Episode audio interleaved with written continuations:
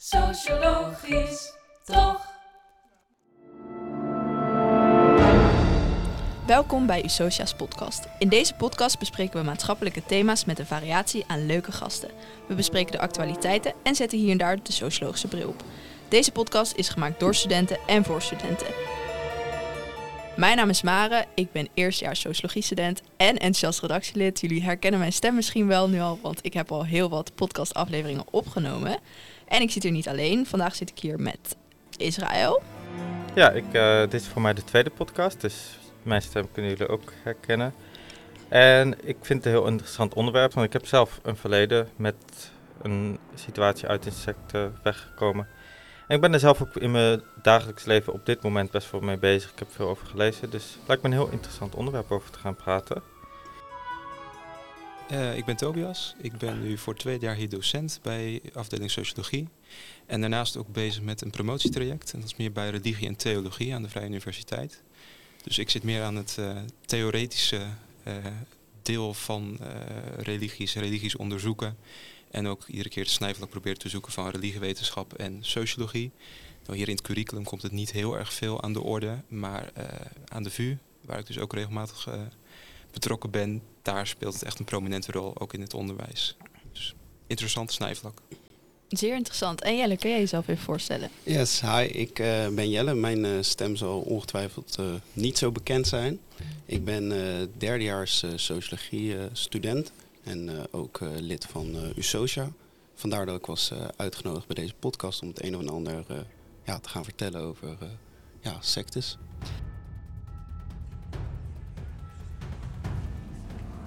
Deze aflevering zullen we het dus hebben over sectes. Waarom bestaan sectes? Wie sluit zich aan bij sectes? En wie richten ze op? Daarnaast doen we ook nog de actualiteitstijd en wordt er volop gebiecht in de biechtbox. Laten we beginnen bij het begin. Wat is een secte nou eigenlijk? Ja, dat is gelijk de moeilijkste vraag. Um, dus als je het probeert te definiëren, loop je tegen heel veel dingen aan. Namelijk, het is altijd fluïde. Dus je kunt niet zomaar zeggen van hé, hey, deze mensen die behoren tot een secte en deze mensen niet. Vaak groepen waar we over praten in termen van secten zijn eigenlijk uh, groepen die een legale status hebben als religie. Okay. Uh, we hebben het soms over Scientology, uh, de Noorse broeders bijvoorbeeld. Nou, dat zijn allemaal in legale zin kerkgenootschappen in Nederland die ook in aanmerking komen voor belastingvoordeel enzovoort. En daarnaast zou je ook kunnen zeggen, secte is eigenlijk een term die wij inzetten om te zeggen, nou, een bepaalde religieuze groep bestaat uit mensen die zulke vreemde opvattingen hebben, dat wij daar een labeltje op plakken. Dus dat zijn dingen, eh, een aantal disclaimers van tevoren misschien. En daarnaast is het ook lastig omdat uh, het Engelse woord sect, godsdienst sociologisch, iets anders betekent dan secte. Dus als wij het hebben over secten, is dat niet hetzelfde als sect. Dus sect, dan gaat het over religieuze groepen die ooit zijn afgescheiden van een van geïnstitutionaliseerde kerk, uh, in het geval van christendom. Je hebt bijvoorbeeld de Rooms-Katholieke Kerk. Nou, in het katholicisme heb je een aantal groepen die daarvan zijn afgesplitst. In het protestantisme heb je ook allerlei groepen. Nou, dat noemen we dan ook een, een sect. Um, maar in het Nederlands uh, heeft sect een andere bijbetekenis, een andere lading. Daar gaan we zo ook nog uh, wel over hebben, denk ik. Uh, dus het is lastig. En die scheidslijnen zijn dus niet zo zwart-wit. Ja, want sect heeft vooral een beetje een negatieve connotatie gekregen in het Nederlands eigenlijk. Ja. ja. ik denk niet dat iemand uh, trots zegt van nou, ik zit bij een secte. Uh, nee, nee, over het algemeen niet. Nee, dus nee, meestal hebben mensen die lid zijn van een beweging die, die door buitenstaanders een secte wordt genoemd, noemen zichzelf niet een secte. Die exact. hebben vaak een eigen naam voor hun eigen beweging.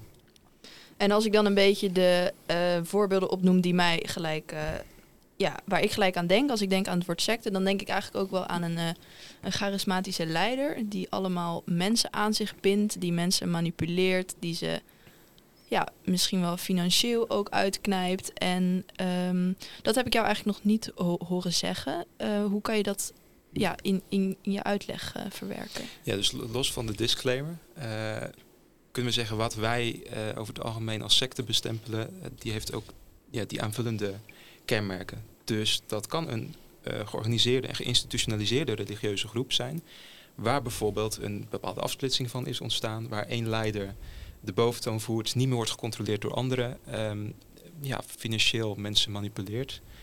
Of op andere manier sancties toepast als mensen uh, zeggen van nou ik wil deze groep verlaten. Dus ehm, en over andere kenmerken kunnen we nog discussiëren, maar eh, ik denk dat we, als, als je op zo'n punt komt, dat je dan wel eens kunt zeggen van het is een secte. Ehm, wat ook kan helpen voor het debat is om het misschien in het begin, nu niet hoor, maar eh, in het algemeen te hebben over een neutraal iets zoals nieuwe religieuze beweging. Mhm. En dan echt kijken, hey, voldoet deze religieuze beweging nou aan wat wij sect secte zouden noemen of is het een religie? Want veel, eh, ja, eigenlijk de meeste nou, nieuwe, nieuwe religi- religieuze bewegingen of ja, sectes hebben toch ook wel eh, een belangrijk kenmerk dat een beetje wereldvreemd is eigenlijk.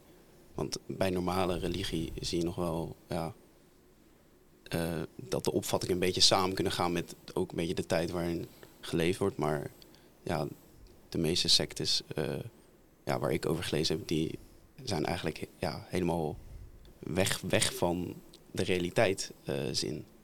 Ik denk dat dat ook wel een belangrijk kenmerk is. Is ook, is ook weer een vraag hoe je dat dus definieert. Dus waar denk je aan bij wereldvreemd?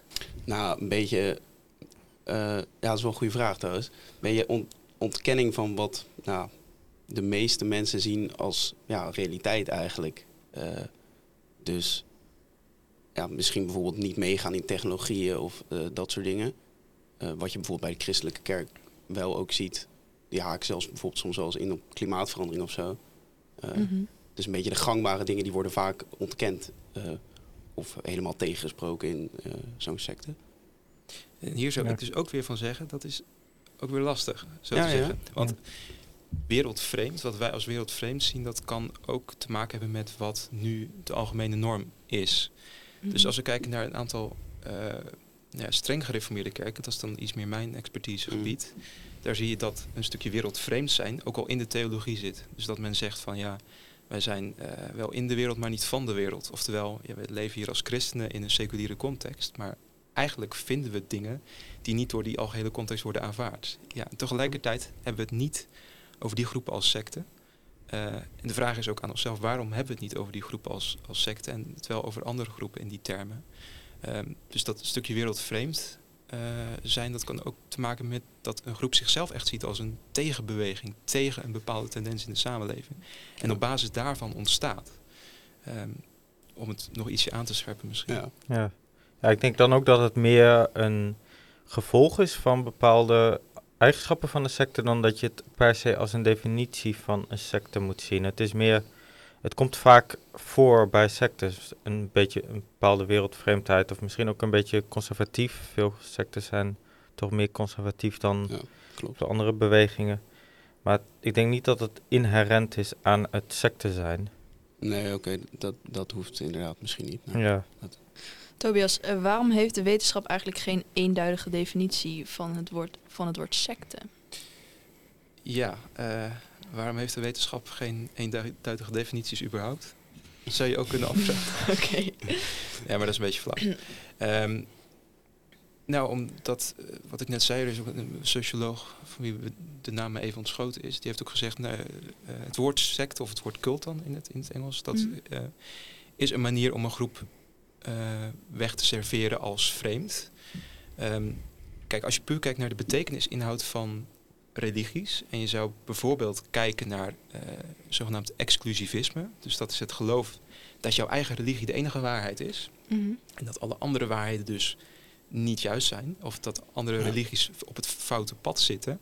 Eigenlijk is dat al een onderdeel van heel veel gevestigde religies. Dus dat vind je in de islam, dat vind je in eh, veel stromingen in het christendom, behalve meer liberaal en vrijzinnig christendom. Eh, dus als je daarmee zou zeggen van iets is een secte, dan, dan, ja, dan is het alweer niet, niet beperkt genoeg.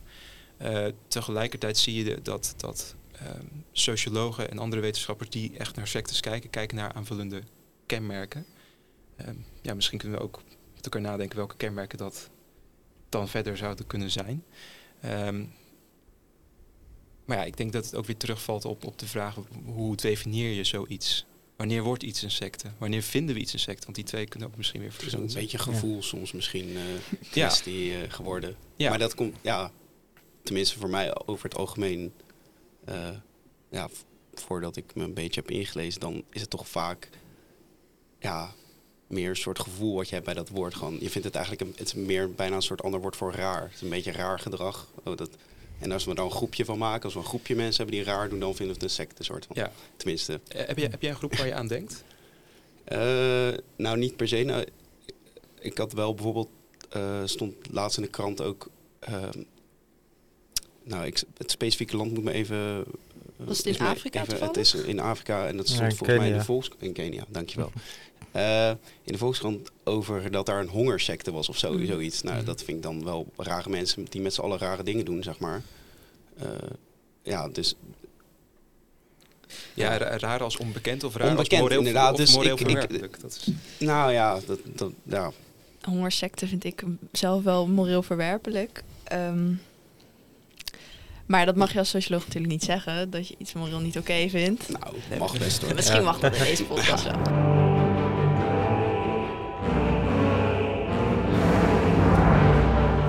Ehm, we hebben het nu al wel een beetje gehad over, over sectes en religie. En wat ik vooral heel veel hoor is dat er best wel veel overlap zit tussen de twee.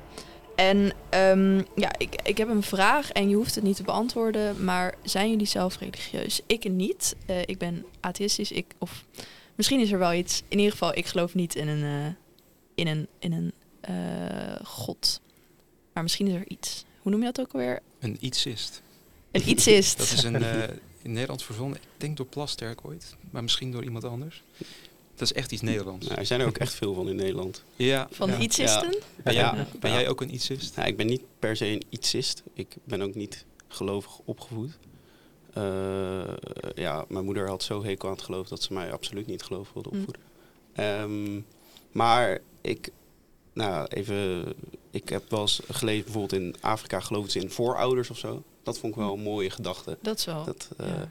dat die een beetje helpen of zo. Maar ik ben niet per se eh, religieus. En waar kwam trouwens vandaan dat, dat die ou- anti-houding zo bestond? Nou, niet per se. Mijn, mijn moeder heeft wel gewoon een beetje verteld over christendom en zo. Het is niet per se alsof ze zei, ja, het is echt eh, helemaal, helemaal niks of zo. Maar mijn moeder heeft zelf, is heel streng christelijk eh, opgevoed. Dus echt bij de nonnen en zo. En, eh, niet per se allemaal heel erg leuk. Dus die nou, had iets meer die houding van, nou, dat hoeft niet per se. eh. Maar, maar je hebt zo'n harde, of harde, een, een wat rigoureuze anti-houding niet per se overgenomen. Nee, nee, nee. nee. Ah, nou, ik, ik stel het nu iets, eh, ik stel nu iets te hard van. Oh, nu lijkt het net alsof mijn moeder tegen mij heeft gezegd dat ik absoluut niet christen moet worden of zo. Maar meer gewoon zoiets van: oké, ik vond dat zelf zo verschrikkelijk. Dat wil ik niet per se mijn kinderen meegeven. Maar ik heb wel veel geleerd, omdat zij wist wel veel natuurlijk over het christendom. Doordat ze zo streng was opgevoed. Juist, ja. En jij, Tobias, wil je dat vertellen of liever niet? Nee, ik, ben- ik ben eh, religieus. Ik ben eh beleidend christen. Merk ook wel dat het eh, soms lastig uit te leggen is op de Unie. Mhm. Ehm, maar dat is meer, denk ik, vanuit een stuk onbekend zijn met. Eh, dus ik kom uit een echte Bijbelbelt gemeenschap. Valt ook wel weer mee, want eh, er zijn verschillende dorpen in Nederland waar eh, het eh, orthodoxe christendom nog een sterker stempel zet dan waar ik vandaan kom. Maar ehm, ik ben wel in die zin bewust doorgegaan met het geloof. Dus niet alleen gezegd van nou mijn ouders hebben me daarin opgevoed en ik geloof het wel. Of ik zet me ervan af, maar er wel ook bewust mee bezig geweest van oké, geloof ik dit werkelijk en, en hoe zie ik dit in mijn leven verder vorm krijgen. En Dus- hoe zie je dat dan? Ja, ja hoe, hoe, hoe zie je dat dan voor? Hoe heeft dat geloof zeg maar een plek in je leven? Ehm, het is denk ik het beste te de- definiëren als een soort algeheel fundament onder je leven. Dus eh, het geloof is niet iets dat je erbij doet. Het is een bepaalde visie op het leven en de zin van het leven. Mhm. Ehm, ik merk ook dat daarin veel eh, gesprek mogelijk is. Ook met mensen die zoekende zijn, wat heel veel mensen zijn vandaag de dag. Ehm, en dat je ook kunt zeggen van nou dit is hoe ik de dingen zie. eh, of ik geloof dat er een God is en dat er, dat er iets van een doel is. Uiteindelijk in discussies kom je soms op punten dat je moet zeggen van ja, eh, let's agree to disagree. Eh, Ja. En ook het vooral niet met gestrekt been erin gaan, dat, dat werkt nooit. En een open houding helpt erin altijd. Ehm, dus ik zie het als verenigbaar. Ook gelovig zijn en wetenschapper zijn. Daarvoor zijn best wel ja, de zogenaamde nieuwe atheïsten die geloven dat dat niet kan. Dat je niet Mhm. kunt geloven en, en eh, wetenschap kunt bedrijven. Dus soms dan heb je al een discussie heel erg op dat meer technische aspect van kan dat nou samengaan of niet. Ik denk als jij zelf vindt dat dat samen kan gaan, dan gaat dat toch samen. Zeg Ja, is dat maar. lastig? Om dat, om dat soort van, ja, tussen de twee werelden in, zeg maar. Zo, zo voelt het soms wel. Maar wat jij z- zegt, maar dat is natuurlijk aan de ene kant een houding die je veel, ziet nu en heel mooi is. Dus van Mhm. als jij dat kunt combineren, dan is dat eh, niet om met je woorden weg te lopen, maar van dan is dat, is dat fijn of dan is dat mooi. Mhm. En tegelijkertijd ook vaak de ondertoon van ja, maar ik zou dat zelf niet zo kunnen. Ehm, eh, dus dat maakt het vooral ook lastig. Je moet uitleggen hoe je in het leven staat. En vaak is dat voor de ander iets wat interesse wekt. En vervolgens dan eh, wordt de stap genomen van ja, maar zo sta ik er niet in. Terwijl eigenlijk iedereen natuurlijk een bepaalde levensbeschouwing heeft op, Ja. of bepaalde waarden. Eh, dus als het even losweken van religie. Ja. We hebben het heel veel gehad over ehm, ja, jouw religieus zijn. Ehm, maar eigenlijk gaat dit deelonderwerp over of de kerk een secte is. Want ehm, Even Ja. omschakelen hoor. Even, Even- ja. allemaal naar, de, naar, naar het echte daadwerkelijke deelonderwerp. Ehm, ja, is, is de kerk een secte? Want ik hoor, ehm, zoals ik net ook al zei in het begin, heel erg een overlap tussen eh, ja, geloven en echt gevestigde geloven en zoiets ehm, extreems als een secte. Dus is de kerk een secte? Kan je daar antwoord op geven, Tobias? Dan geef ik het eerst terug aan jullie. Ja. Ik ga niet de kerk hier verdedigen. Ja, Daarvoor zit ik hier komt niet. hij makkelijk weg. eh. Ja. En de kerk is in, op, in veel opzichten ook niet te verdedigen, ehm, omdat er ook heel veel mis is. Ehm, maar ja, hoe, hoe denk jij daarover? Kerk, secte? Ja, ik, vond wel, ik vond deze vraag echt wel, ik vind het wel lastig hoor. Want zoals jij net eigenlijk ook al, ja, jij kon het heel goed definiëren, zeg maar, wat dan een secte zou zijn. En dan past eigenlijk het geloof past er redelijk in. Want inderdaad, de meeste geloven, ja, min of meer ontkennen wel dat er een andere waarheid is. Sommige, zijn, sommige mensen nemen het wat gematigder en dan kunnen ze wel accepteren. Maar ja, voor mijzelf, als ik meer denk aan het plaatje van een secte, wat misschien een beetje kinderlijk is, dan zou ik meer kijken naar afsplitsingen van eh, de normale gangbaarheid van een kerk. Dus bijvoorbeeld bij eh Jehovah-getuigen of zo, dan denk ik wel van, dat zijn wel bepaalde groeperingen waarvan je denkt van, ja, ik, ik werd daar net goed gecorrigeerd, maar laat ik zo zeggen, over dat van het, een beetje het, het normale wereldbeeld voorbij, soort van een beetje eh, echt gewoon vol er tegenin geloven in, nou, eh, waar, waar mensen soms geloven in een complottheorie of dat hebben zij ook een beetje. Ze geloven echt in een hele andere eh, werkelijkheid. Ja. Ja. dus die, die andere werkelijkheid, dat, dat, dat is dus een lastige. En waar kun je het Ja. precies op vastpinnen? Maar wat je zegt over Jehovah-getuigen, Jehovah-getuigen die eh, zullen zelf ook zeggen dat zij vinden dat het grootste deel van Nederland moreel onjuist leeft. Ja. Of op zo'n manier leeft dat dat, nou ja, ehm, dat dat niet goed is in de ogen van God.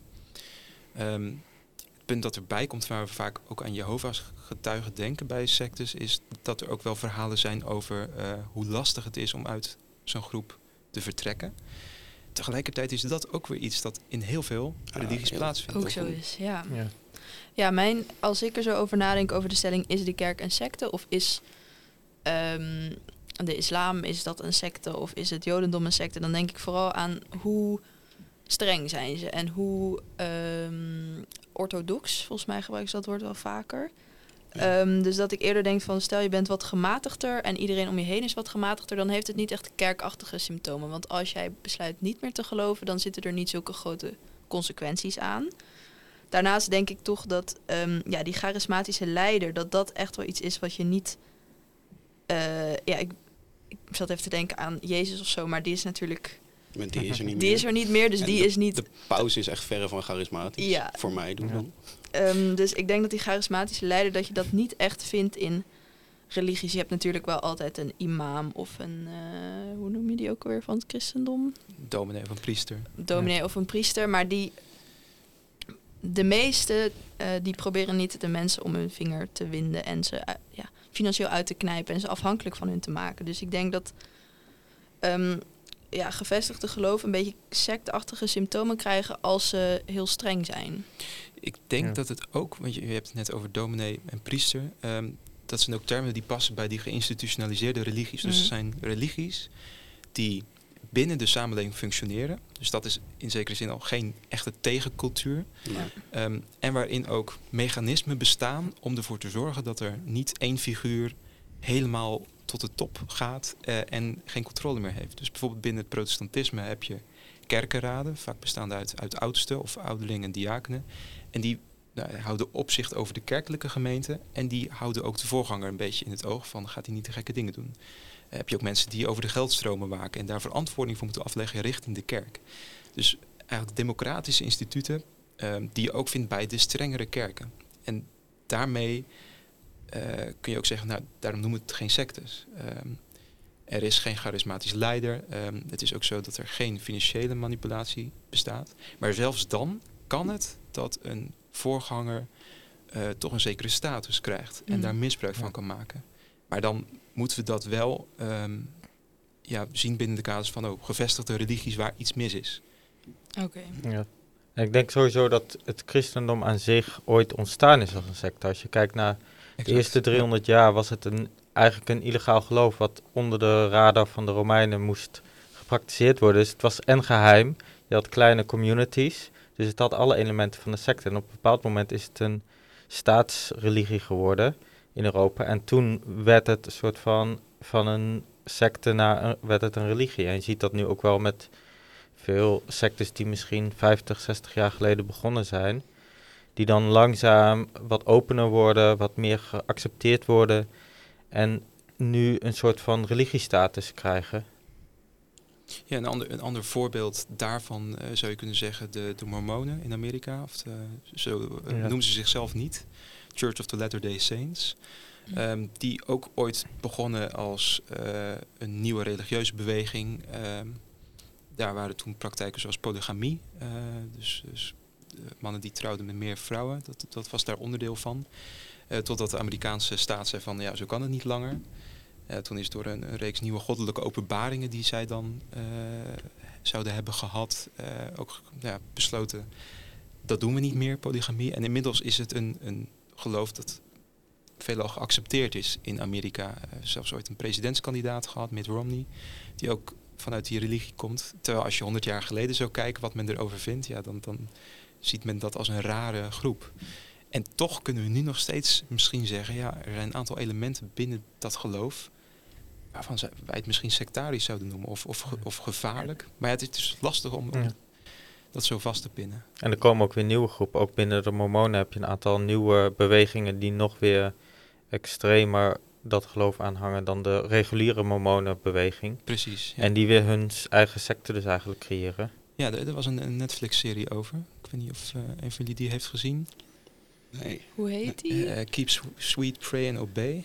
Oh, ken ik niet. Ja, ik ken wel een boek van een, iemand die daarin is opgegroeid. En dat is echt typisch sectarisch. Van Tara Westhoven. Best wel veel gelezen. Ja, ja. Volgens mij is dat een van de, van de, de bekendste die, die uit zo'n groep eh, Ja. naar buiten is getreden. Ja, maar er is dus een, een Netflix-serie eh, over die ook aan te raden is. Oké.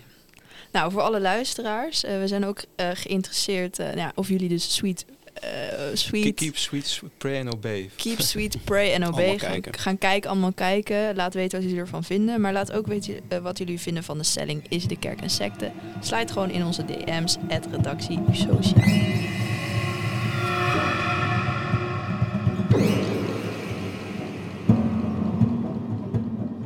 Er in sectes vaak strafbare feiten plaatsvinden, lukt het justitie niet om sectes voor de rechter te slepen.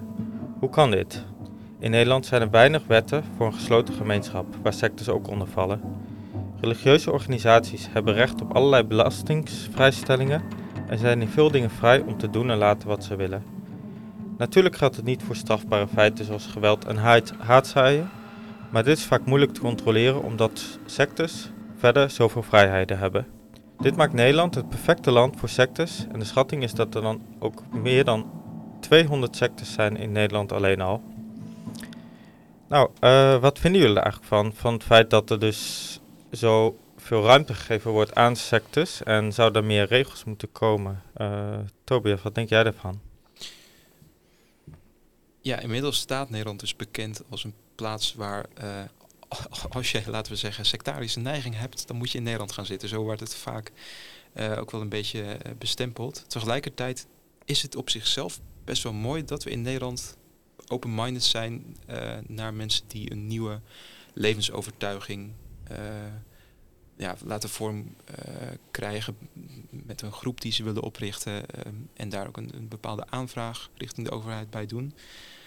Ehm, tegelijkertijd is het zo dat een aantal methodes om eh, de rotte appels eruit te filteren, filteren dus, dus ook de groepen waar echt problemen zijn, eh, nou, zoals een meldpunt voor sectes, ehm, dat die ehm, nou, niet meer subsidie krijgen of niet meer door de overheid worden gegarandeerd.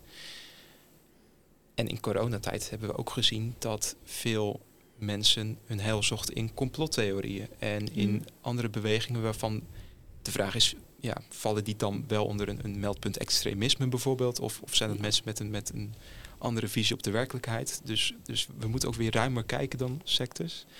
Ehm, ja, ik denk dat de vraag vooral is, is misschien ook een vraag aan jullie, wat, wat, Ja. wat zijn toetsingscriteria om te zeggen van nou, ja, dit vinden we kunnen en dit vinden we niet kunnen? Want het is ook een morele discussie in zekere Ja. zin. Ja, Ja. Ik denk dat dat wel gewoon iets is wat heel eh, lastig is. Eh, bijvoorbeeld, eh, nou, in Nederland is er dus vrij eh, veel vrijheid. Nou, in, in Frankrijk werd er bijvoorbeeld gezegd dat er voor een eh, gelimiteerd aantal maanden bepaalde religieuze organisaties eh, ja, kan worden ver- ja, verboden.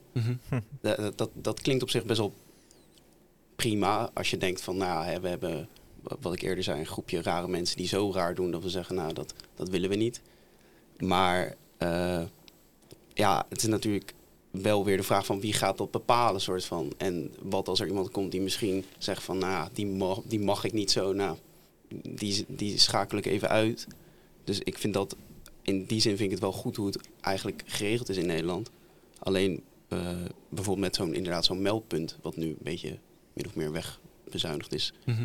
Ja, dat zijn wel dingen eh, waar het wel de touwtjes iets aangetrokken mogen, en misschien wel moeten worden, om toch een beetje een soort zicht te krijgen. Want er is nu zo weinig eigenlijk duidelijk over het aantal sectes of ja, wat ze precies doen.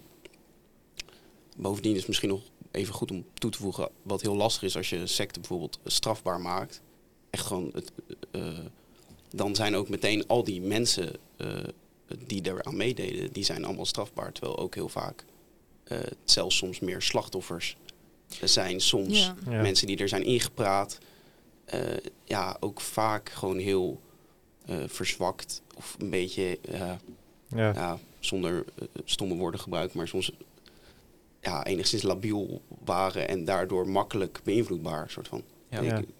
Nou, in Frankrijk hebben ze natuurlijk een tussenoplossing. Want in Frankrijk is het niet zozeer strafbaar, maar religieuze organisaties die als sectarisch aangemerkt worden, die kunnen wel boetes krijgen en ontbonden worden. Dus dan heb je niet zozeer over de leden die bestrafbaar zijn, maar de organisatie aan zich kan wel boetes opgelegd krijgen en kan ontbonden worden voor zelfs voor vijf jaar. Nou, wat ook een interessante vraag eigenlijk daarin is, in plaats van een secte aan zich te verbieden, zou je ook kunnen zeggen van er moet meer ruimte komen voor bijvoorbeeld politie om zicht te krijgen op wat er binnen een secte gaande is. Want een hele hoop van die strafbare feiten die komen voort uit de geslotenheid van dit soort bewegingen. Het feit dat ze zich niet houden aan de regels van de maatschappij en denken van zij creëren hun eigen mini-wereld waarin de, de maatschappij, de overheid ook weinig grip heeft, omdat ze daar dus ook niet weten wat er gaande is. En dus dat zou ook een soort van tussenoplossing kunnen zijn. Ja, ja, of dat je vraagt eh, aan religieuze groepen om zichzelf meer uit te leggen eh, op een of andere manier. Ehm, zodat je ook mogelijk inzicht krijgt in meer die, die psychologische processen waar je net al eh, Ja. eh, even naar refereerde. Want nu is het in Nederland zo dat we alleen zeggen van ja, zolang je niet oproept tot geweld, dan mag eigenlijk alles bes- bestaan. Ja. En dan ga je de reguliere procedure door. Ehm, maar ja, je kunt ook kijken naar hoe open of hoe gesloten is een groep. Dan is ook weer lastig, want een groep Ja. zal zichzelf dan altijd opener voordoen dan die daadwerkelijk is. Ja. En het lastige aan de sancties van een groep, ik bedoel, we hadden het net over sectes, eh, je, kunt het, je kunt denken aan Scientology eh, bijvoorbeeld. Zou je even uit kunnen leggen, kort aan onze luisteraars, wat Scientology precies is? Scientology is, is een eh, zogenaamd UFO. eh, religie. Eh, dus een, een relatief nieuwe religie die ook gelooft in een zekere buitenaardse werkelijkheid. Het is een religie die ook vooral bekend staat door celebrities die daar onderdeel van zijn. Mensen als Tom Cruise. Eh, het is eh, een religie met veel geld. Eh, ik zeg religie omdat het ook een, een religieuze, een, een legale status heeft in Nederland. En waarvan veel documentaires zijn gemaakt die laten zien, nou, als je daar probeert vandaan te komen, dan volgen allerlei heel expliciete sancties. Dus ook dat je nog nagezeten wordt door mensen van de community. Wat ik daarover wilde zeggen is, Dat klonk gewoon heel erg als een secte. het klinkt heel erg als een secte. Maar dan zijn die sancties heel expliciet. Maar wat te denken van, van die meer eh, subtiele sancties? Dus dat jij een groep verlaat en geen contact meer hebt met je familie. Eh, die sociale sancties die subtieler zijn, maar misschien net zo goed impact hebben op mensen en op hun psychologische welzijn. Ehm, dus Ja. daarin is het ook lastig. Je, je hebt altijd die, die, die voorbeelden die er helemaal uitspringen, zoals Scientology. Maar ja, het is vaak ook veel subtieler. Wat vaak ook wel lastig maakt, eh, meer op dat psychologische inhakend, is als je natuurlijk lid wordt van een secte, dan kan dat in het begin best wel prima. Eh, Het is toch op een bepaalde basis vrijwillig. Dus in het begin kan het best wel ja, gewoon prima zijn. En dat je helemaal happy voelt van oh, ik heb een doel gevonden. En al die mensen vinden een beetje hetzelfde als ik, eh bij wijze van. En ze behandelen me goed. En dan op een gegeven moment kom je misschien op een punt dat je denkt van nou, ja, de baten, het, het weegt niet echt meer tegen elkaar af de baten en de kosten. En dan ga je misschien denken van nou, misschien moet ik er dan maar eens uitstappen. En dan krijg je misschien de retro, eh, eh, retro, zo, jezus. Ik wil een moeilijk woord gebruiken, maar in ieder geval dan krijg je met terugwerkende kracht.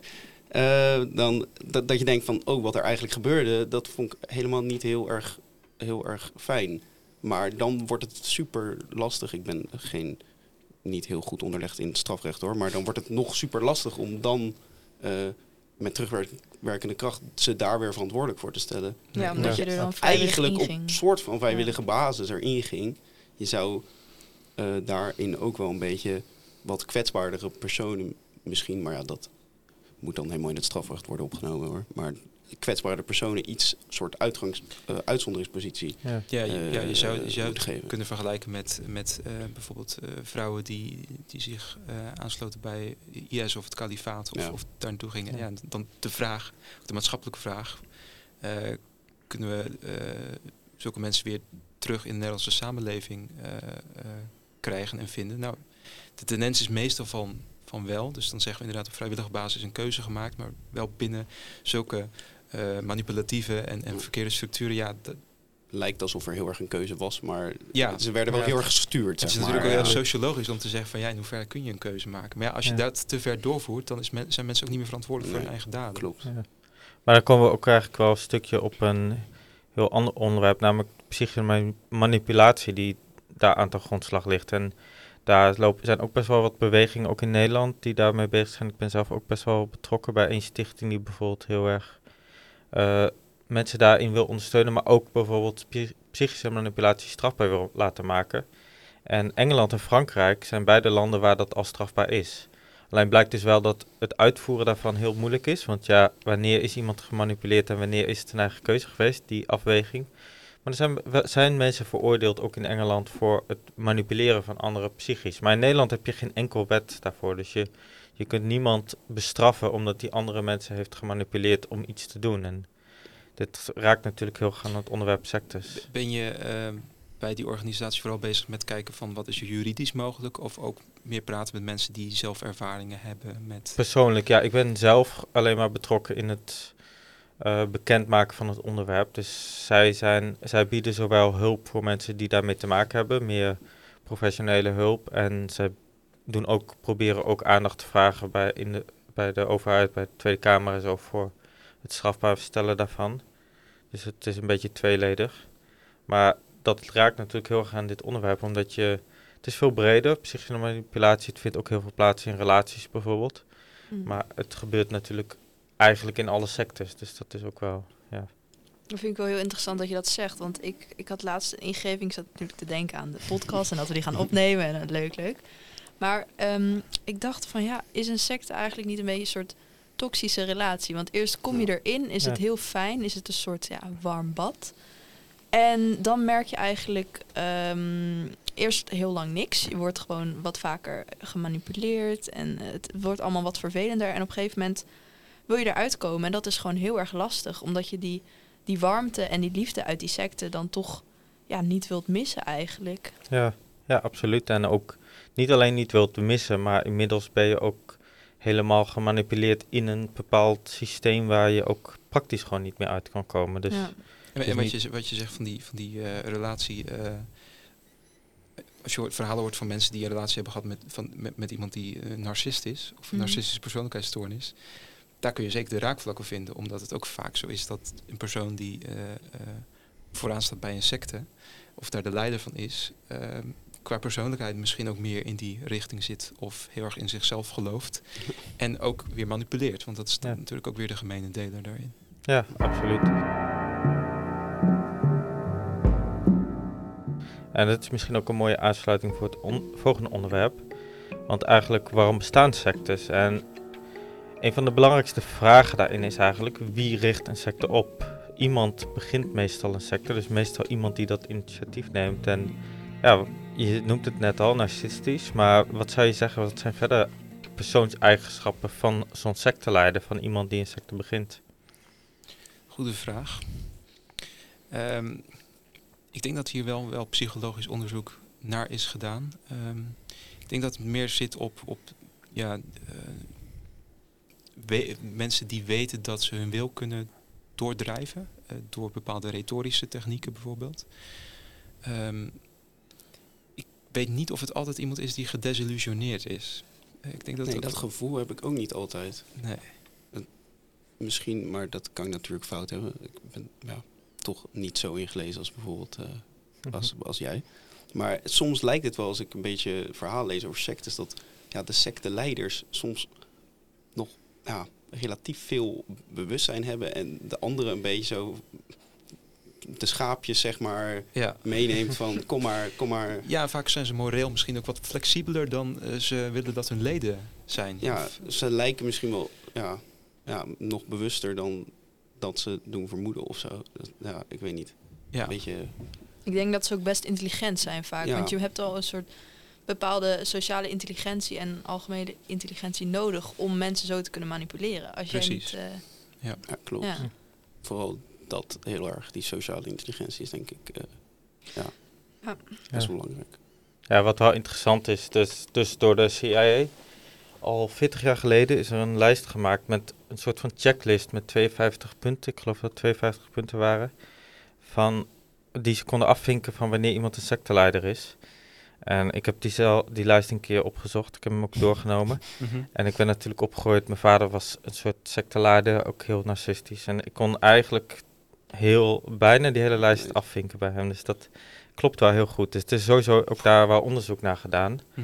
Eh, en dat zijn best wel veel van dit soort eigenschappen. Iemand is ook heel charismatisch. Dus het zijn vaak hele charismatische mensen. Ze kunnen heel goed mensen binden aan zich. Ze kunnen mensen enthousiasmeren. Ze kunnen mensen leiden. Dus het zijn eigenlijk mensen die heel erg leiderschapselementen hebben, maar ook heel narcistisch. En dat is die andere kant. Eh, En, wat- en, en, en toen jij eh erachter kwam dat best wel aan veel van die eisen voldeed, eh, gaf dat dan ergens nog een soort rust van, oh, nou ja, dit, ja, het gaf het mij... patroon klopt. Klopt, ja. Het gaf me een soort van zicht op mijn eigen situatie. Dat ik me realiseerde van dat het veel breder is. Dat eigenlijk waar ik in opgegroeid ben, dat dat een maatschappelijk probleem is eerder dan een persoonlijk probleem. Hm. Of een familieprobleem. Je groeit op en je, of je kom- gaat eruit en dan denk je van dit is mijn situatie. En hierdoor ben ik gaan realiseren, het is eigenlijk een maatschappelijk probleem. Want er zijn heel veel sectes waar dit plaatsvindt. En dit is er één van. En ieder, ieder heeft zijn eigen unieke eh, elementen. Maar het is wel iets wat veel breder te trekken valt dan... Dus geef je dan meer rust dat er Ja. meer voorbeelden zijn die een soort van gelijkend zijn. Ja, door die absoluut. ja. 52 punten die... Ja, je, je zou het ook Ja. weer kunnen koppelen aan de noodzaak voor een sectemeldpunt, natuurlijk. Absoluut, ja. Ja. ja. Exact. Maar wat jij ook net zei, dat vond ik ook interessant met die... Ja, dat zo'n secteleider een soort van vaak wat meer leiding lijkt te geven. En dat die andere soort, ja, wat je noemt het dan schaapjes die er achteraan lopen. En dat is ook wel, dus er is ook een onderzoek gedaan, of een, een, een wetenschappelijk paper waarin dat uitgelegd wordt. Dat is een onderzoek gedaan naar het verschil tussen, of het, de vergelijking tussen een bepaald syndroom wat je bij therapeuten hebt. Ja. Eh, volgens mij was het patient, of ik weet niet precies de naam van die, dat syndroom meer. Maar als je een therapeut hebt en een patiënten, dan kan er een soort van band ontstaan die heel ongezond is. En dat, daar wordt ook voor getraind bij therapeuten om dat te verhinderen. En precies alle eigenschappen daarvan vinden ook plaats tussen een secteleider en volgelingen, waardoor ze een soort van eh, afhankelijkheid van elkaar krijgen. Die, die, die therapeut of secteleider die wordt Mhm. steeds centraler, die wordt steeds meer plichten opgelegd en die moet leiding geven. En die anderen worden steeds onderdaniger en steeds volgser. En dat kan, ja, is blijkbaar ook een heel menselijk, psychologisch iets dat dat zo kan ontstaan. Je ziet dat ook soms, nou ja, misschien een beetje een eh, ver vertrokken vergelijking, maar je ziet het ook wel soms met, ja, eerder gewoon eh, bijvoorbeeld meisjes die, nou, een beetje problemen hebben met, ja, die anorexia, dat was best wel een groot probleem, dat dan vaak mannen, of nou, misschien ook wel vrouwen, dat weet ik niet, maar mannen ze dan gingen benaderen. En die meisjes zijn natuurlijk super zwak. Die, ze, ze hebben eigenlijk niet echt een keuze. En dan eh, door ze een beetje te pleasen en dan worden ze voor zich gewonnen. En dat heb je ook denk ik een beetje met zo'n sectleider die eigenlijk mensen die een beetje ja, toch wel verzwakt zijn enigszins, of in ieder geval een beetje op zoek. En dan wordt er zo'n hengeltje uitgegooid van, oh ja, kom maar. En dat voelt dan heel fijn in het begin. Ja. Zo worden ze dan eh, beetje buitgemaakt misschien. Ja, dus misschien dat ook die, dat stukje emotionele afhankelijkheid best wel dicht zit. Tenminste, dat zit het natuurlijk tegen eh, de menselijke behoefte om gezien en gehoord te worden en ook gewild te zijn. Dat is natuurlijk best fijn als iemand fijne dingen zegt of Exact. als je ergens Ja. bij hoort. En als je dat dan nog in de mix gooit met eh, waar een secte nog meer jou in kan voorzien, voorzien namelijk een, een zeker coherent wereldbeeld. Misschien nog een, een soort gemeenschappelijke vijand die jij, die jij gaat creëren. Dus je, je hebt je, je ingroep. Eh, en hoe sterker je ingroep, hoe, hoe, meer negativiteit je naar die outgroep kan sturen. En dat kan vervolgens weer dat gro- groepsproces versterken. Eh, dus ja, je krijgt een enorme toxische mix die ertoe leidt dat jij waarschijnlijk ook helemaal in, je eigen verhaal gaat geloven. Dat is overigens ook nog iets dat nog niet misschien is benoemd. Dat eh, veel sectes ook een heel samenhangend wereldbeeld vormen. Het is, het is niet onzin. Het is vaak een. Het is hetzelfde geldt voor complottheorieën. Eh, als je eenmaal de eerste paar aannames accepteert, dan opeens valt alles op zijn plek. En dat voorziet weer in een psychologische behoefte. Want in die onzekere wereld willen we graag duidelijkheid. Maar ja, de vraag is: kun je dan nog kritisch reflecteren op die basisaannames? Ja, zou je zoiets ook toepasbaar kunnen zijn op eh, religies? Ja, eh, dat kan ook. Ehm, daarom is het ook belangrijk. Ja, ik ben meer bekend met christendom dan met andere Mm. religies. Ehm, wanneer een eh, stuk zelfonderzoek of, of eh, een stuk zelf als kerklid of, al- of als lid van de religieuze gemeenschap, dat je ook verantwoordelijkheid hebt om te toetsen van, oh, wat hier nou wordt verteld en wat hier nou wordt verkondigd, kan ik me daarin vinden, ja of nee? Ehm, dan alsnog zou je kunnen zeggen, ja, dat, dat is zo binnen bepaalde kaders dat je eigenlijk helemaal niet kritisch kunt Mhm. reflecteren. Net zoals dat, dat je tegen mij zou kunnen zeggen van ja, je zegt nou wel, ik heb ervoor voor gekozen om, om eh, te geloven, maar ja, kun je dat wel zo zeggen? Maar heb je meer een metadiscussie. Ja. Dus je zou wel kunnen zeggen, nou bepaalde religies die, die staan iets meer toe of die, die hebben meer ruimte voor ook een stuk zelfonderzoek. En ik denk dat eh, de meeste secteleiders bijvoorbeeld zeggen van ja, ik heb een bepaalde openbaring van, van God ontvangen of eh, ik weet hoe het zit en jij dient te luisteren. Ja. En dat is de rolverdeling. Maar ik denk ook dat het grootste verschil tussen sectes en een religie niet zozeer zit in het geloof wat aan zich aange- aangehangen wordt. Het verschil zit hem in het sociale construct, in de manier waarop het sociaal gevormd is. En niet zozeer in dat sectes per definitie altijd ander soort geloof hebben dan religies. Nee, kan, kan ik me Het vinden. is Ja. eigenlijk allebei een geloof en allebei wat geloof ook per definitie zegt. Het is een geloof. Je kunt het niet bewijzen, je kunt het Nee. niet, bewijzen. Dus het is allebei even. eh, het kan allebei even waar zijn. Daar, daar zit niet zozeer het verschil in, denk ik. Ik denk ook dat je een secte kan hebben die, laten we zeggen, ervan uitgaan dat je een soort van absolute waarheid hebt. Dat er een secte kan bestaan die absolute waarheid heeft en nog steeds een secte is. Juist. En nog steeds ook dingen kan doen die moreel verwerpelijk zijn. Omdat het niet zozeer vanuit die waarheid die ze aanhangen altijd komt dat ze een bepaalde manier van leven aanhangen. Dat is meer een sociaal fenomeen.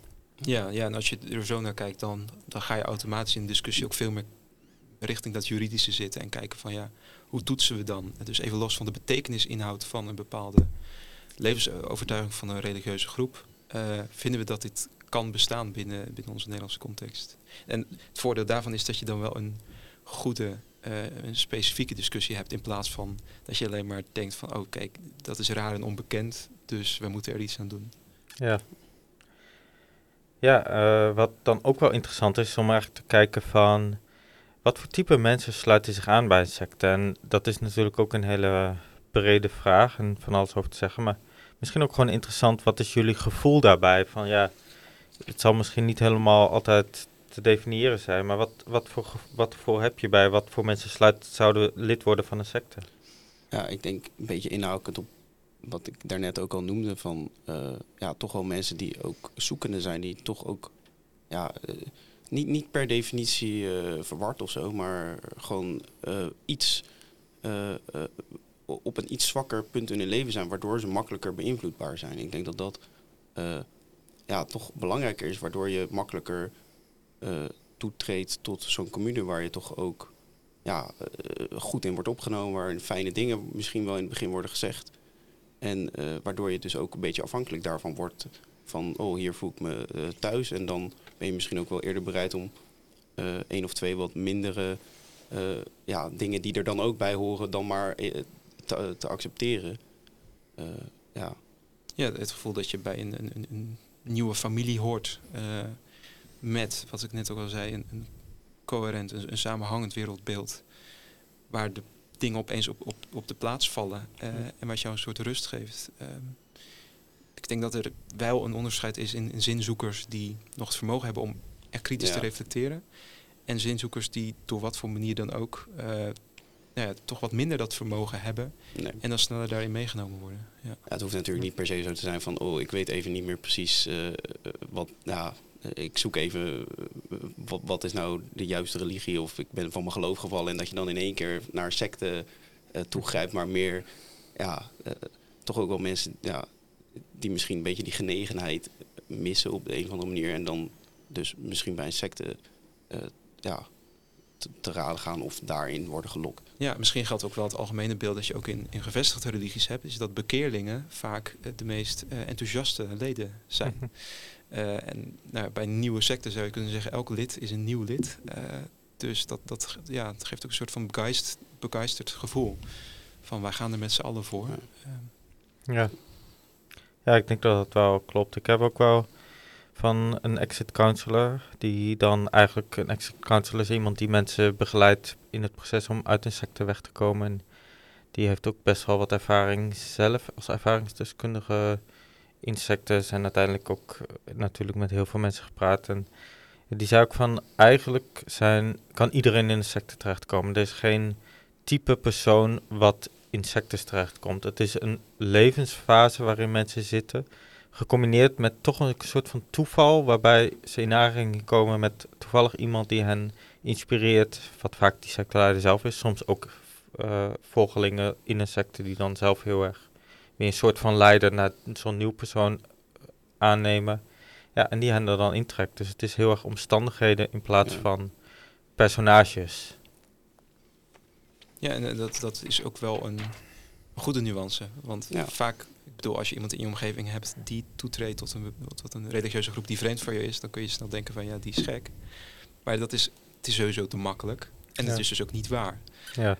Uh, Nee, ik denk dat dat inderdaad goed gezegd is. Uh, dat uh, uh, ja, het eerder afhankelijk is van, of van omstandigheden. ja. en ja, bepaalde misschien levensfase, als jij het wat lastiger hebt in je leven door dingen die zijn gebeurd. dat overkomt natuurlijk iedereen wel eens dat je ja, wat, ja, misschien daardoor wat beïnvloed door. Maar je zou ook jezelf af kunnen vragen hoe sta ik in het leven? Ja. Want misschien zit jij volgend jaar wel bij een stuk.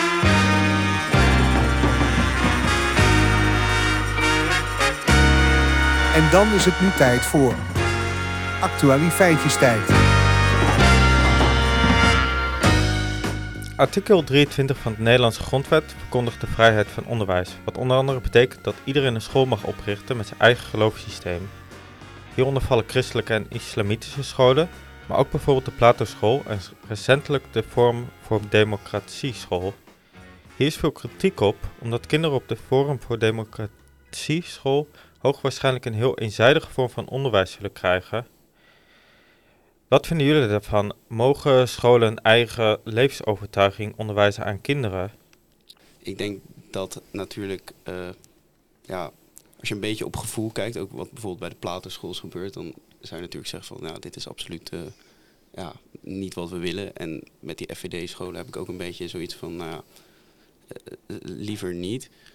Maar ik denk wel, eigenlijk ook weer in deze, een beetje wat we aan het begin eh, hadden besproken. Nederland biedt ook wel weer heel veel mogelijkheden om juist eh, het onderwijslandschap ja, toch heel levendig te houden. Dat je gewoon eh, nieuwe scholen kan oprichten. Als ik een heel goed idee heb over hoe onderwijs eruit zou moeten zien en het werkt ook daadwerkelijk, dan kan ik een school oprichten en subsidie krijgen. En ik denk, ja, het is misschien te makkelijk om te zeggen van ja, de markt regelt wel. Maar bij de FVD-scholen zie je nu dat er drie mensen zich hebben aangemeld. Ja. Dus dat zal niet een heel davend succes worden. Eh, maar ja, bij andere scholen waar eh, eh, wel hele eh, ja, vindingrijk goede ideeën. Je hebt natuurlijk ook Montessori en Daltononderwijs en al dat soort eh, gedoe. Ja, en als mensen zeggen van nou, dat vinden wij een goede invalshoek. Ik denk dat dat best wel waardevol kan zijn. Natuurlijk moet het goed gecontroleerd worden, maar... Ja, ja de discussie gaat vaak heel specifiek dan over artikel 23, vrijheid van onderwijs. Wat in Nederland overigens echt uniek is. Dus wij zijn het enige land in de wereld waar we zoveel vrijheid toekennen om zomaar een school op te richten. Ja. Eh, en waarbij ook eh, scholen vanuit een zekere levensovertuiging dezelfde geldstromen krijgen. Dus aanspraak kunnen maken op dezelfde geldstromen als openbaar onderwijs. Maar je moet dan afvragen, eh, allereerst is openbaar onderwijs voldoende gewaarborgd in een bepaalde regio. Vervolgens kijken naar wat de scholen vanuit bepaalde levensovertuigingen aanbieden. En ja, dan de vraag of dat binnen de, de normen, waarden, de kaders van de Nederlandse rechtsstaat kunnen. Maar ik denk dat van die nieuwe eh, casussen, zoals de, de school eh, vanuit FVD, ook weer de vraag oproepen van ja, wat zijn die criteria nou precies? Tegelijkertijd kun je ook afvragen van ja, moet je dan streven, dat is het andere uiterste, naar een school die is waardevrij is? Ik denk dat, niet kan, dat, dat kan, kan ook haast bijna niet, niet, hè, nee. natuurlijk.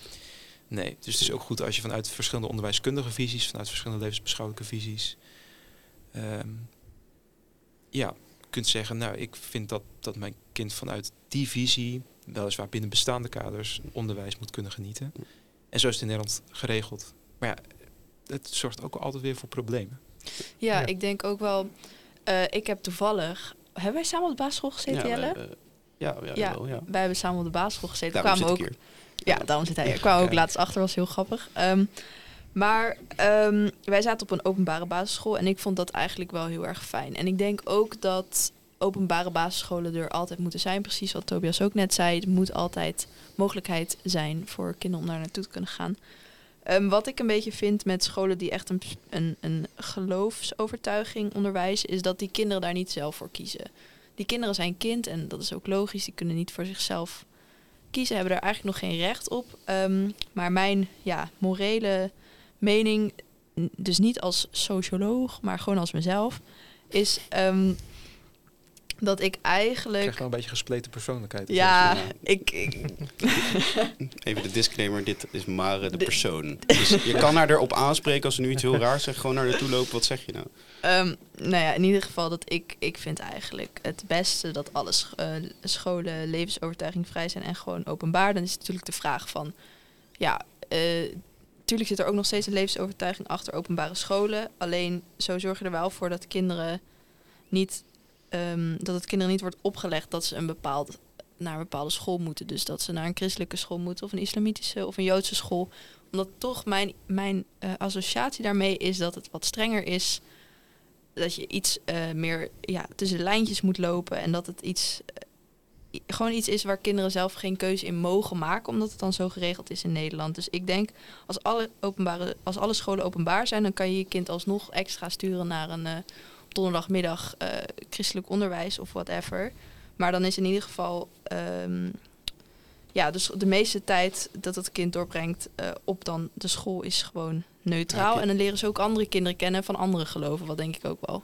Heb je datzelfde gevoel dan ook bij scholen die juist nog vrijer zijn? Bijvoorbeeld, ja, weet ik veel, vrije school of Dalton scholen waar ze zeggen van, nou, eh, Nee, dat heb ik dan weer niet. Omdat ik dan denk, van, ja, dat wordt, ik ben heel paradoxaal bezig nu. Maar wat ik ehm, eh, daarover denk dat is zijn ook dat- soort van bijzondere scholen natuurlijk. Ja, nee, maar eh, ik denk dan dat- dat kinderen iets te veel vrijheid... Dan weer iets te veel vrijheid krijgen en dan niet gaan leren. Dus ze moeten Dus wel... die moeten eigenlijk gewoon openbaar zijn. Dat is eigenlijk... Gewoon Maar is het- openbare scholen Ja. was gewoon de beste school. Hebben wij elkaar leren kennen. Is er niet verschil dan tussen, eh, als ik dit zo hoor, tussen een onderwijssysteem en onderwijsgeloof of onderwijsovertuiging? In het ene geval, als je een islamitische of een christelijke school hebt, dan is het het geloof of de overtuiging die erachter zit. Eh, en de, die andere is meer verschil in hoe ga, geef je überhaupt onderwijs? Wat is een goede manier van, eh, wat is als systeem goed om, mens, om een kind zoveel mogelijk te leren? Ja, Ja. kijk, het, het, het is complex. En eh, wat jij net noemt, eh Mara als persoon, dat Ja. is een, eh, natuurlijk een heel legitiem standpunt. Een paar nuances misschien daarin, of, of, of, eh, Mhm. ja, reacties daarop. Het is natuurlijk ook zo dat, dat kinderen eigenlijk nooit kunnen kiezen hoe ze opgevoed worden. Dat is waar. eh, en welke waarden zij meekrijgen. Dus daarin is, is een keuzemoment er ook vaak niet. Ehm, ik denk dat het goed is voor het welzijn van kinderen dat ze in de loop van hun leven in aanraking komen met mensen met verschillende achtergronden. Ehm, maar dat dat ook niet betekent dat mensen helemaal eh, als een soort van eh tabula rasa, een onbeschreven blad, in de samenleving op een gegeven moment moeten komen en dan maar keus moeten maken. Dat, is, dat lijkt mij wel iets te naïef. De vraag Mhm. wordt er specifieker. Vinden wij, of vindt wij, vinden wij als Nederland, dat een school vanuit een niet onderwijskundige, maar een levensbeschouwelijke visie onderwijs mag organiseren? Nou, daarover is het overgrote deel van, Nederland, eh, deel van Nederland het eens. Maar waar we in verschillen meestal is van, ja, maar moet dat ook gesubsidieerd worden? Door de overheid. Ja, als je je kind naar zo'n school wil sturen met zo'n visie, ja, dan prima, maar dan privaat. Ehm, het gaat wel ver om echt naar een model te gaan waarbij er maar één vorm van onderwijs is dat voor de hele staat geldt. Ehm, Wel is het ook alweer, het voert misschien wel te ver door. Want we moesten eigenlijk omwille van de tijd een beetje opschieten. Maar eh, bij private, als je het privaat maakt, eh, heb je dan wel weer dat je heel erg snel zo'n soort commune gaat krijgen. exact. Je hebt er heel Ja. weinig toezicht op. En mensen, bijvoorbeeld bij die platenschool heb je dan dat uiteindelijk, kijk, wat er is gebeurd is niet goed. Maar uiteindelijk wordt er uit de school geklopt Kun, van... kun je even kort nog Oh, sorry, dat moet ik misschien heel even inleiden. Sorry. We dus bij de platenschool, eh, ja, een beetje een soort high-class school, eh, waar mensen echt heel erg, ook wel heel erg gepusht werden op een gegeven moment. En ook uiteindelijk dus geslagen door leraren. Dat vonden ze een, een, een normale methode. Maar uiteindelijk, de- dat was een beetje het punt wat ik wilde maken, is dat uiteindelijk zijn er dan mensen die toch eh, naar buiten komen van ja, dit, dit kan gewoon niet. Er wordt toch uiteindelijk ook eh, eh, ontdekt. En de kans bestaat wel dat dat bij bijvoorbeeld die private scholen echt pas veel later aan het licht komt als er überhaupt al misstanden zijn. En als die mensen dat ook zien als misstanden. Dus, ja. Dat is ook een goed punt inderdaad, ja.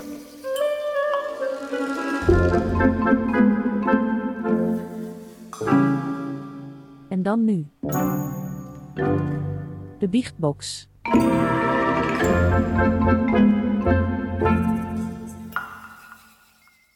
Laten we doorgaan. Ja, dan komen we aan op het allerlaatste onderdeel alweer, de biechtbox. Als je een secteleider kon worden, zou je dat dan doen? En waar zou je secte over gaan? Ik lees er gewoon eentje voor en daarna stel ik hem aan jullie. Dan doe ik een beetje wisselend. Eén antwoord. Nee, ik vind dat altijd best imiterende mensen. Zelf hoop ik dat ik nooit zo zou worden en mensen manipuleer om niet meer zelf na te denken en altijd naar mij te moeten luisteren. Eh, Jelle, zou jij secteleider worden als je dat kon? En Nou, waar zou je secte laat ik over gaan? Laat ik maar beginnen met dat ik dat eh, eigenlijk natuurlijk niet eh, zou willen worden. Ik denk ja, dat er heel weinig mensen zijn die dat wel echt serieus willen horen. Ik kijk even naar de overkant bij Tobias, maar... En nu de echte Jelle? Nou, en de echte Jelle zou... Ik heb er natuurlijk wel even over nagedacht. Ik dacht, eh, ineens schoot me wel te binnen van... Wat was dan wel een leuke secte geweest? Ik denk dat er wel... Nou, als, als goede secte zou ik... Ik weet niet of mensen het Dilemma op dinsdag ken, kennen. Dat is zo'n soort... Nou, dat, ja, dan kun je kiezen tussen... Of altijd galopperen over een zebrapad... Of weet ik veel, eh, je, je moet altijd eh, ja, tien kinderpostzegels verkopen voordat je gaat slapen of zo. Dan zou ik een soort secte oprichten om mensen Dilemma op dinsdag te laten spelen, maar er dan ook echt aan te houden, weet je wel. Dat lijkt me dan wel eh, leuk. Ja, grappig wel. Maar eh, serieus niet natuurlijk. Nee. Nou, volgende. Nee, het idee dat je mensen zo manipuleert en afscheidt van de rest van de wereld, vind ik doodeng en heel naar. Maar als ik het zou moeten doen, dan zou ik een dier aanbidden, een goudvis of zo. Prachtig. Nice. Ja. Maar jij, zou jij een secte oprichten? Nou, nee, natuurlijk niet. Dit kan je mensen natuurlijk echt niet aandoen, vind ik. Gewoon serieus. Eh, Het is eigenlijk, de toxische relatieterm hebben we al een paar keer genoemd, maar het lijkt me verschrikkelijk. Ehm, als het dan wel zou moeten, dan ehm, zou, ik, zou het eigenlijk alleen maar erom gaan dat iedereen moet dan heel gek haar hebben. Dus eh, bijvoorbeeld een leuke kleur erin of gewoon de helft van je haar afgeschoren. Dat, dat, dat zou dan, ja, dat moet je dan wel echt doen. Maar even serieus, nee, natuurlijk niet. Maar dan is het bijna een cult, toch? Ja, het is eerder een cult dan een secte, denk ik. Ah, dat verschil blijf ik lastig vinden. dan gaan we weer terug naar het begin. Eh, nee. Nou, derde antwoord. Op zich wel een leuk uit- uitstapje, toch? Ik zou een secte maken met glitters en muziek. Maar ik vrees dat Lui Lekkerland niet voor altijd is, dus we zullen snel failliet gaan. Zo kan het ook. Een te leuke Het secte. heeft allemaal wel eh, lieflijke karakters. Ja. Met glitters en met eh, kleurtjes. Dus Ja. Er zitten nog geen verknipte mensen in de, in de biechtbox. eh. Nee. nou ben jij aan de beurt, Tobias. Zou jij een secte beginnen? Nou, ik, zat, ik zat dus te denken bij deze vraag. Eh, ik ben ooit, maar ik kan niet te veel eh, toelichten. Met studiegenoten een soort secte begonnen in het Sjoerd Groeman gebouw. Nee, maar het is de biechtblok. Dus ik ben Ja, gewoon eerlijk. ja, nee, goed, goed dat Maar je eerlijk weet, je, weet je waar die om draaide? Ehm, ja, nu hebben we niet overal meer computers staan in in Ja. Sjoerd op de, op de nulde. Ja. Eh, Mm. Dat is ook echt jargon, de nulde. De, Ja, gewoon de eerste verdieping. de- maar niet de eerste maar verdieping. niet de eerste verdieping. Ja, er stonden heel veel computers. En wat mensen dan deden was een kampvuurtje opzetten. Ik weet niet of je dat kent. Ja, ja, ja, ja, ja. Kijk, zie je. Dus het werkt nog steeds Ja. door. Als je even je computer eh, wil, bezet wilde houden en je loopt weg, dan zet je zo'n kampvuur aan. En wij hadden eh, posters opgehangen aan het begin van, van die ingang bij Sjoerd. Van, hey, wij zijn hier in Sjoerd wel gewend om kampvuurtjes op te zetten. Eigenlijk veronderstellend van, ja, als je het niet doet, ja, dan ben je niet een echte, echte inwoner van Sjoerd. En we hebben daarna gezien dat mensen dat ook daadwerkelijk gingen doen. Dus dat is... eh, en tot de dag van vandaag, als ik het zo... Nou, ik... ik Of ben jij niet het, een volgeling? Ik, nee, ik ben niet een volgeling, dus helaas, sorry. Eh, ik ben niet gevallen voor de secteleider Tobias in dit geval. Maar ik, was niet ken- de leider, ik was slechts een onderdeel. Ik, ik snap het fenomeen wel. eh, Oké, van de ja, maar ver- verder dan dit ging het ook niet hoor. Dus, eh, Er is niet, niet ambitie om dat nog iets nee, het is allemaal een beetje losgelaten. strakker. ja, jammer. Maar wie weet. Ja, en dan laatste. Ik zou het niet doen. Althans, ik zou het misschien wel doen als alleen zeer rijke en machtige organisaties en individuen zich bij mijn sect zouden aansluiten. Dan zou ik hen indoctrineren met liefde voor de medemens en de aarde. Kortom, ja, ik zou het doen. Oh, Oh, Een wat een lieve ja, secte. Feel good. eh, Nou, dan moet ik natuurlijk zelf ook nog antwoord geven. Ik zou het inderdaad absoluut niet willen. En ik, ja, omdat ik zelf ook echt absoluut tegen sectes ben. Mm. Maar ik vind wel het idee vind ik interessant dat een secte vaak een oorsprong is van nieuwe ideeën. Het is een nieuw, vaak dingen die binnen de maatschappij nog niet kunnen, eh, kunnen binnen een secte vaak ontwikkeld worden, nieuwe gedachtegoed. En kan uiteindelijk mm, eh, geaccepteerd worden in de maatschappij. Dus ik denk dat het een bepaalde waarde kan hebben om een soort van stimulans te bieden voor ontwikkeling. Maar tegelijkertijd is het ook een heel gevaarlijk gebied. Dus ik, ik ben zelf in die zin zoekende van wanneer is het gevaarlijk en wanneer kan het ook nog iets positiefs bijdragen. Maar dat, dat stukje vind ik wel interessant. Wat ik ook al eerder zei, van christendom is ook ooit als een secte begonnen. Ja. Nu is het een religie. Dan los van of christendom aan zich wel of niet heeft bijgedragen aan een betere maatschappij. Maar dat, als je daarvan uitgaat, dan kun je wel zien dat iets eerst als een secte kan beginnen en later een soort van maatschappelijk iets kan worden.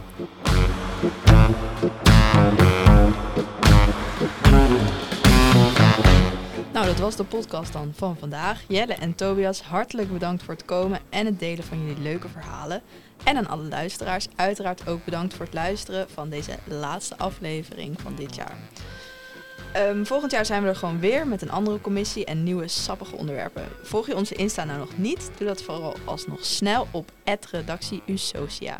Hier posten we alle updates omtrent de Biegbox, de nieuwe afleveringen en ons blog. Tot volgend schooljaar! Doei. Hey, doei. doei. doei.